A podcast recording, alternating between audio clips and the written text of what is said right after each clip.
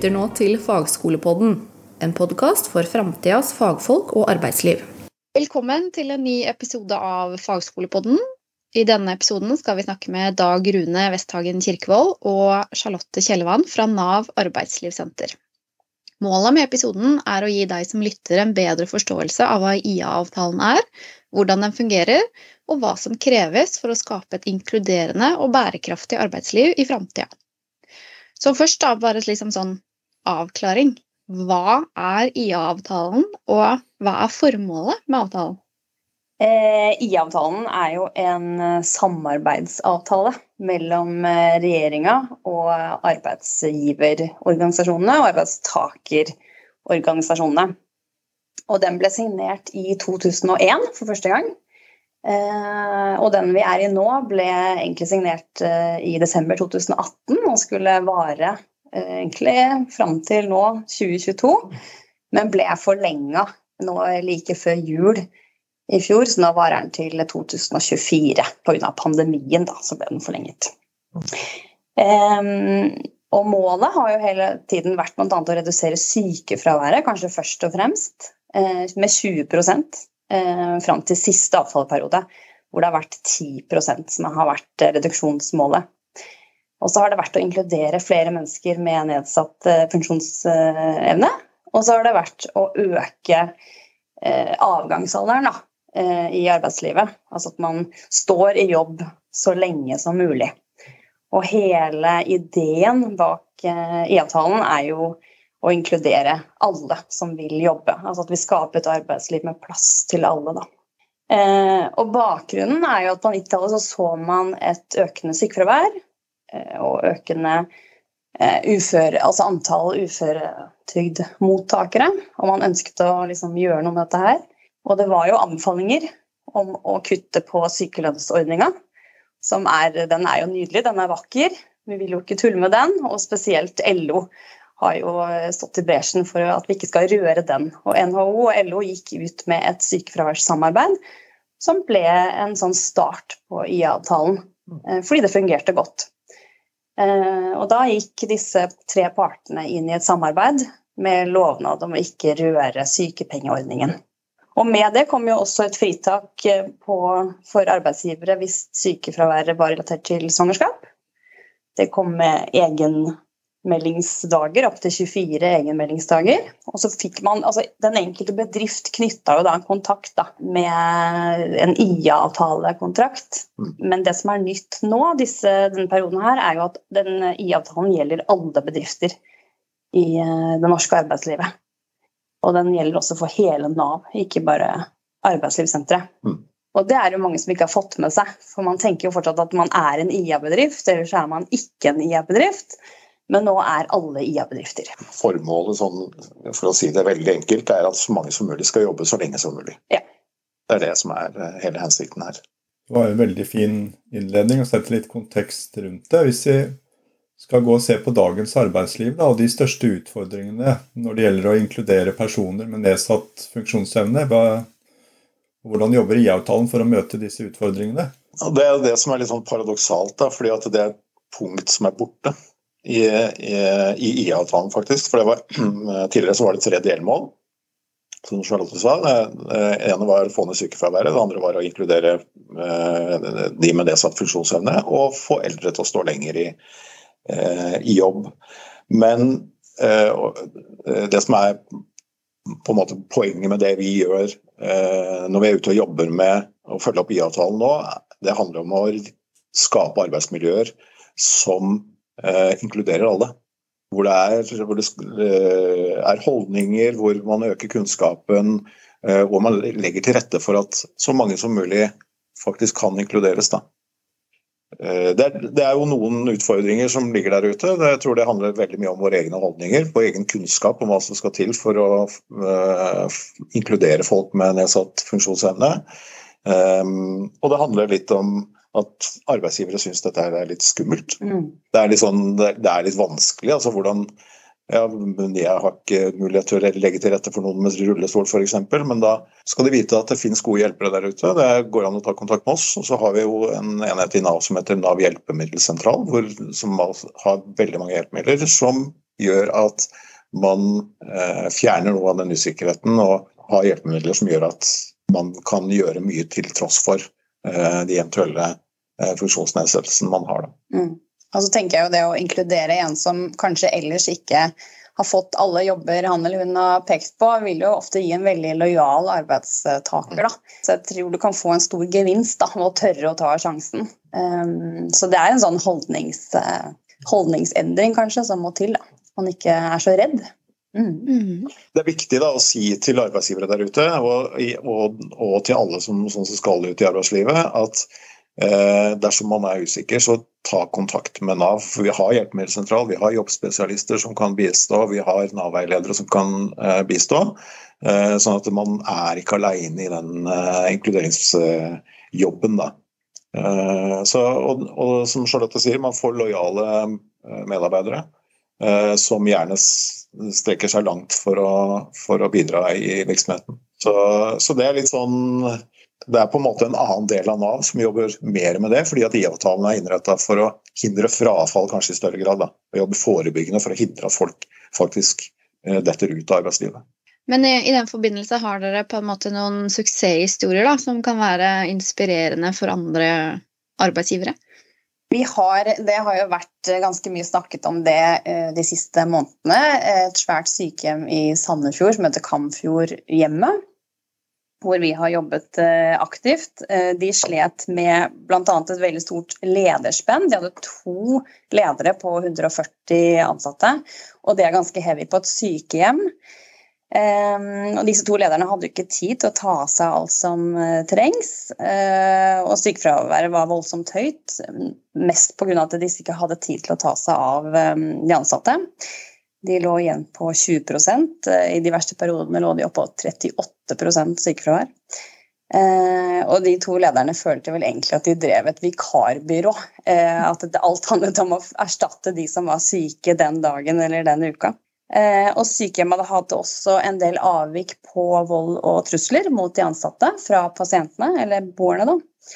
Um, og så var det også en del av disse sykemeldingene som handlet om konflikter på arbeidsplassen. Men i 2019 så fikk de på plass flere ledere, én på hver avdeling, og fikk da muligheten til å bruke mer tid på å følge opp de ansatte. Og med hjelp av IA-rådgiver fra oss og Nav-veileder på, på Nav Sandefjord eh, og verktøyene i KS bransjeprogram, så, så klarte de faktisk å snu situasjonen Eh, og de har jo hatt perioder med så lavt som 5,2 eh, i sykefravær i 2022. Da. Eh, og nøklene altså fra den suksesshistorien der er jo bl.a. tett sykefraværsoppfølging fra disse lederne når de ble flere ledere. Og de har jobba veldig med å styrke partssamarbeidet på arbeidsplassen. De hadde jo bl.a. ikke tillitsvalgte. Hadde bare ett verneombud på hele huset som jobbet ganske alene. Eh, og med ganske sånn manglende bevissthet rundt hvilke HMS-faktorer som er sentrale i den bransjen. Og så fikk de da et høyere fokus på vold og trusler da, som en av disse HMS-faktorene. Og så har de jobba mye med tilbakemeldingskultur, for det hadde danna seg sånne liksom småsjefer her og der, og litt sånn subkulturer som ikke alltid var like hyggelige. Så mye av det sykefraværet handla jo rett og slett om at det, eh, det handla om arbeidsmiljøet. da. Og her på Kampfjordhjemmet så har det vært mange som har bidratt. Eh, men først og fremst har jo alle ansatte vært med å medvirke i prosessen, og det ser vi er veldig viktig. Så en leder kan jo gjøre så og så mye, og så blir det enda bedre hvis tillitsvalgte og verneombud er med, og så blir det enda bedre hvis alle de ansatte er med fra start til slutt. Eh, men det er jo ikke noe quick fix. De jobber fortsatt der borte med det sykefraværet sitt for å holde det lavt stabilt og for å holde trivselen eh, høy. Så det er jo på en måte et kontinuerlig arbeid.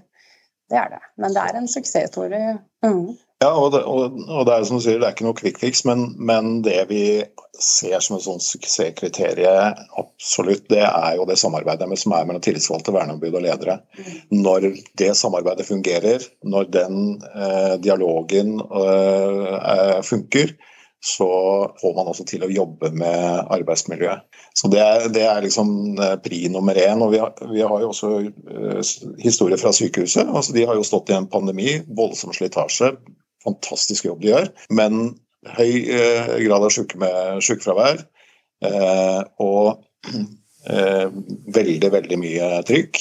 Samtidig så har Sykehuset Vestfold også vært gjennom en sånn flytteprosess, hvor de har etablert seg i nye lokaler og sånt nå. Så det har vært nødvendig å eh, kanskje jobbe med arbeidsmiljøprosesser når man skal få ulike fagmiljøer til å jobbe sammen eh, på nye måter. Der, og der har vi jo samarbeida veldig tett med HR-avdelingen på sykehuset, og så har vi brukt det som eh, er en del av den, nye IA-avtalen som gjelder nå, som eh, handler om bransjeprogram, hvor man har spissa ulike virkemidler inn mot ulike eh, utsatte bransjer, og sykehus er en av de.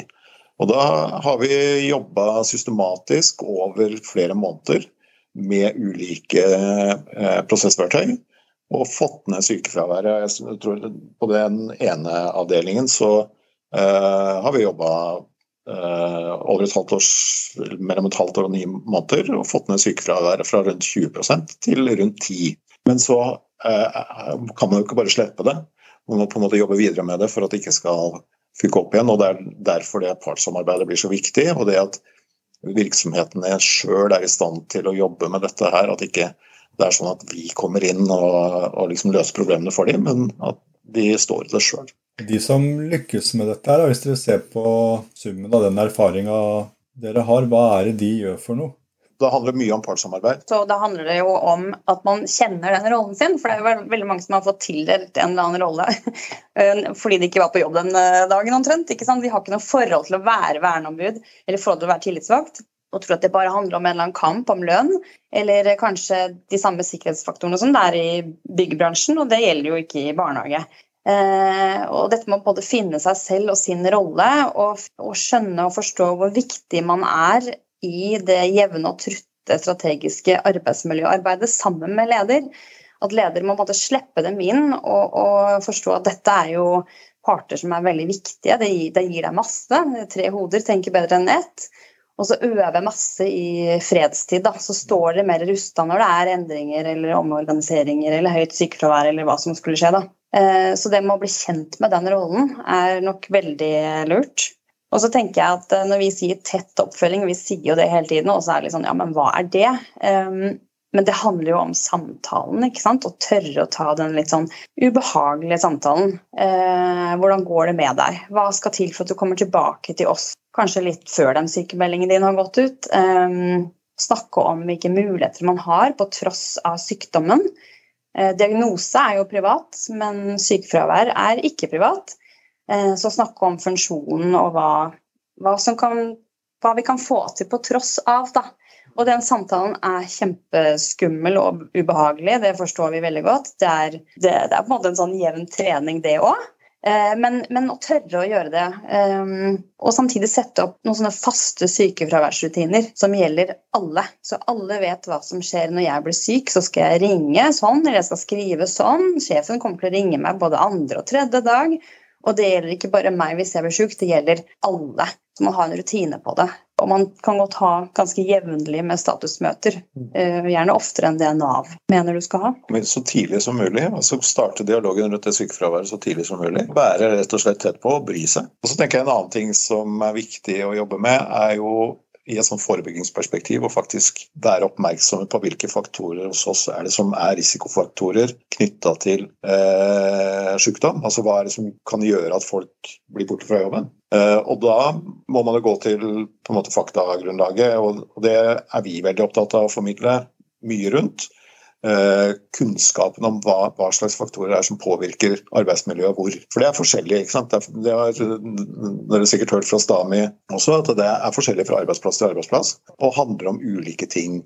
Eh, bare fra avdeling til avdeling så kan det være ganske store forskjeller. Og Det å vite hvilke faktorer må jeg være oppmerksom på, hvilke faktorer må vi samarbeide om og risikovurdere og ha en plan på hvordan vi skal håndtere. Det, er viktig å ta med. Og sånn Eksempelvis da, så er jo barnehage og sykehjem og sykehus og disse bransjene her, det er jo disse emosjonelle kravene og relasjonelle kravene som på en måte egentlig har blitt sett på ordentlig først nå de senere årene, som ikke har vært eh, oppe i dagens lys eh, tidligere. Og Det handler jo bl.a. om vold og trusler og barn som maser og foreldre som ikke er fornøyd med jobben du gjør, og pårørende som klager på det du gjør, og, og pasientene som eh, eller ja, den brukergruppa du forholder deg til. Eh, og det tar jo på mye mer enn det vi kanskje har vært klar over. da, At du spiller en sånn litt sånn en rolle av å være åpen og tålmodig og positiv og blid, og inni deg har du kanskje en helt annen følelse. Og så kolliderer dette her litt sånn. Så det å være klar over dette og jobbe med det som en eh, risikofaktor, da, TV hjelper mye på både trivsel og sykefravær og effektivitet,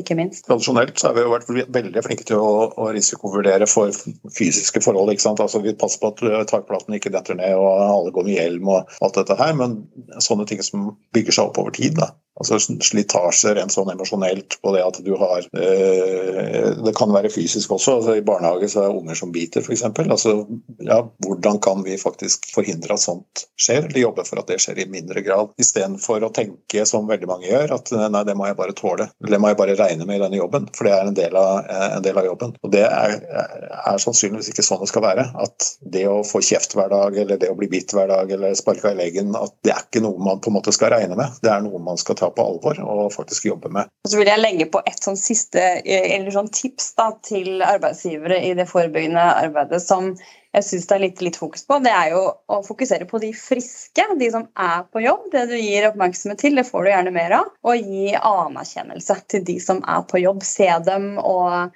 Hør på dem og eh, la dem medvirke, og vis at du setter pris på dem. Og Det tror jeg er liksom undervurdert. og Det også bekrefter jo Stame sin forskning at anerkjennelse er en av de viktigste faktorene du som leder kan jobbe med eh, blant de ansatte. Da. Mm, og gi dem, gi dem masse. Helt sant. Um, men uh, sett liksom hvordan kan IA-avtalen da, eller IA-arbeidet bidra til å fremme mangfold og inkludering i arbeidslivet? Vi tenker nok at det, det viktigste er å skape arbeidsmiljøer som på en måte er inkluderende og åpne, uh, og som, hvor det er rom for uh, mangfold. Rom for å være forskjellig. Uh, og det vi ser er jo at der hvor man har uh, rekruttert inn ulike mennesker fra, med ulik bakgrunn, uh, så får man til på en måte kanskje, eller ikke kanskje, man får til i større grad innovasjon. Man får til større grad av toleranse for forskjellighet, og det er jo på en måte gevinster i seg sjøl. Og så er det jo, når det gjelder inkludering, så tenker jeg at da har vi vært innom mye av det. for det det handler rett og slett om å eh, jobbe langsiktig, eh, jobbe systematisk og benytte seg av de virkemidlene eller de mulighetene som ligger der ute, også sånn nettbasert. Bruke de verktøyene som finnes. Og da har, snakker vi veldig ofte om arbeidsmiljøportalen.no, vi snakker om idébanken.org, vi snakker om eh, nav.no forebygge sykefravær, som sånne nettressurser hvor du får ganske mye tips til hvordan, hvordan beholde de du har på jobb, i hvert fall. Um, dere nevnte dette med inkluderende arbeidsmiljø. Hvordan er det man skaper et inkluderende og godt arbeidsmiljø, tenker dere? Det blir jo på en måte litt sånn det vi har vært gjennom. Ja. Eh, eh, men, men partssamarbeidet er veldig veldig sentralt. At partene er med. Det er veldig viktig med medvirkning fra de ansatte. Det er viktig med eh, forutsigbarhet, at alle får vite det samme samtidig ved endringer eller i forhold til sine egne arbeidsoppgaver anerkjennelse er også veldig veldig sentralt, tenker jeg, i arbeidet. Mye handler om ledelse også. Altså mm. det, å være kompetent som, som leder og, og, være trygg i rollen som leder, og sørge for at man på en måte har tilegna seg den kompetansen som trengs for å følge opp ansatte. Det å så på en måte sette seg inn i systematikken, det å bry seg om folka sine, det er, sånn, ekstremt viktig. Eh, hvordan man eh, er som rollemodell og som leder og som støtte for medarbeiderne sine. Ser dere noen trender og utviklingstrekk innenfor det dere jobber med nå? Vi ser jo at det blir spissa mer og mer mot disse bransjes... Altså at det blir mer bransjespesifikt, og at fokus kanskje blir litt mindre, håper jeg, individfokusert, og mer over på arbeidsmiljøfaktorer. Eh, og mer forebygging framfor eh, bransjelukning, kanskje. Og det ser vi jo er noe som fungerer veldig fint. Og en bra dag på jobb.no er jo noe alle bør eh, sjekke ut da, hvis du er leder eller tillitsvalgt eller verneombud, for der får du det veldig sånn fint servert hvordan du skal skal holde en prosess i forhold til disse risikofaktorene. Ja, men Supert. Det er spennende å høre på. Er, vi prøver litt sånn avslutningsvis nå å gi tre, tre råd hver da, til framtidas eh, arbeidstakere og arbeidsgivere om hva de kan gjøre for å skape et in inkluderende og bærekraftig arbeidsliv? Ja, altså jeg må alltid ta med at man skal gi anerkjennelse, for det syns jeg er så viktig. Jeg tror folk glemmer det hele tiden. Um, man tenker inni seg at noen er flinke, men si det høyt og si det konkret til den det gjelder. Og så har vi jo tenkt litt sammen at det, det er litt sånn spennende med de som tenker utafor boksen. Eh, jeg leste her om dagen et sted hvor det sto der interessen ligger, finnes det også kompetanse. Og jeg tenker noe av utfordringa er eh, at mye av svaret på utenforskapet er jo ofte økt kompetanse. Økt utdanning. ikke sant? Og det er jo ikke sånn at det passer for alle. Hva gjør man da? Ikke sant? Eh, nedsatt arbeidsevne, hva er det? Er, har man fremdeles det i Italia, f.eks.? Eller har vi egentlig et arbeidsliv i Norge som ikke inkluderer, med mindre du har høy kompetanse og høy utdanning? Så jeg syns det er litt spennende om man kan tørre å tenke litt utafor boksen eh, rundt de som ikke har denne høye, fancy utdanningen. Eh, sånn som Sånn som kanskje et uh, spesielt eksempel, men Petter Stordalen drar auditions. Da er du ikke dømt på verken skolegang eller tidligere CV men du blir dømt på en sånn der og da-situasjon, sånn som teaterbransjen for øvrig gjør. Eh, jeg tenker det er litt sånn artig. Eh, og kanskje gi noen en sjanse som du ikke har gjort før. Ikke gå på en måte i den samme tralten hver gang du rekrutterer. Og så vet vi at mange som Og så må vi gjenta dette her med dette partssamarbeidet. Eh, det er ikke på en måte sånn at en tillitsvalgt og en leder er motstandere. Man jobber i samme virksomhet, man jobber for de samme målene. Man ønsker at eh, virksomheten skal bestå og skal være lønnsom og gi jobb til mange over lang tid. Eh, og det er utgangspunktet. Finn en måte å samarbeide på. Du har nå hørt Fagskolepodden, produsert av Fagskolen Vestfold og Telemark.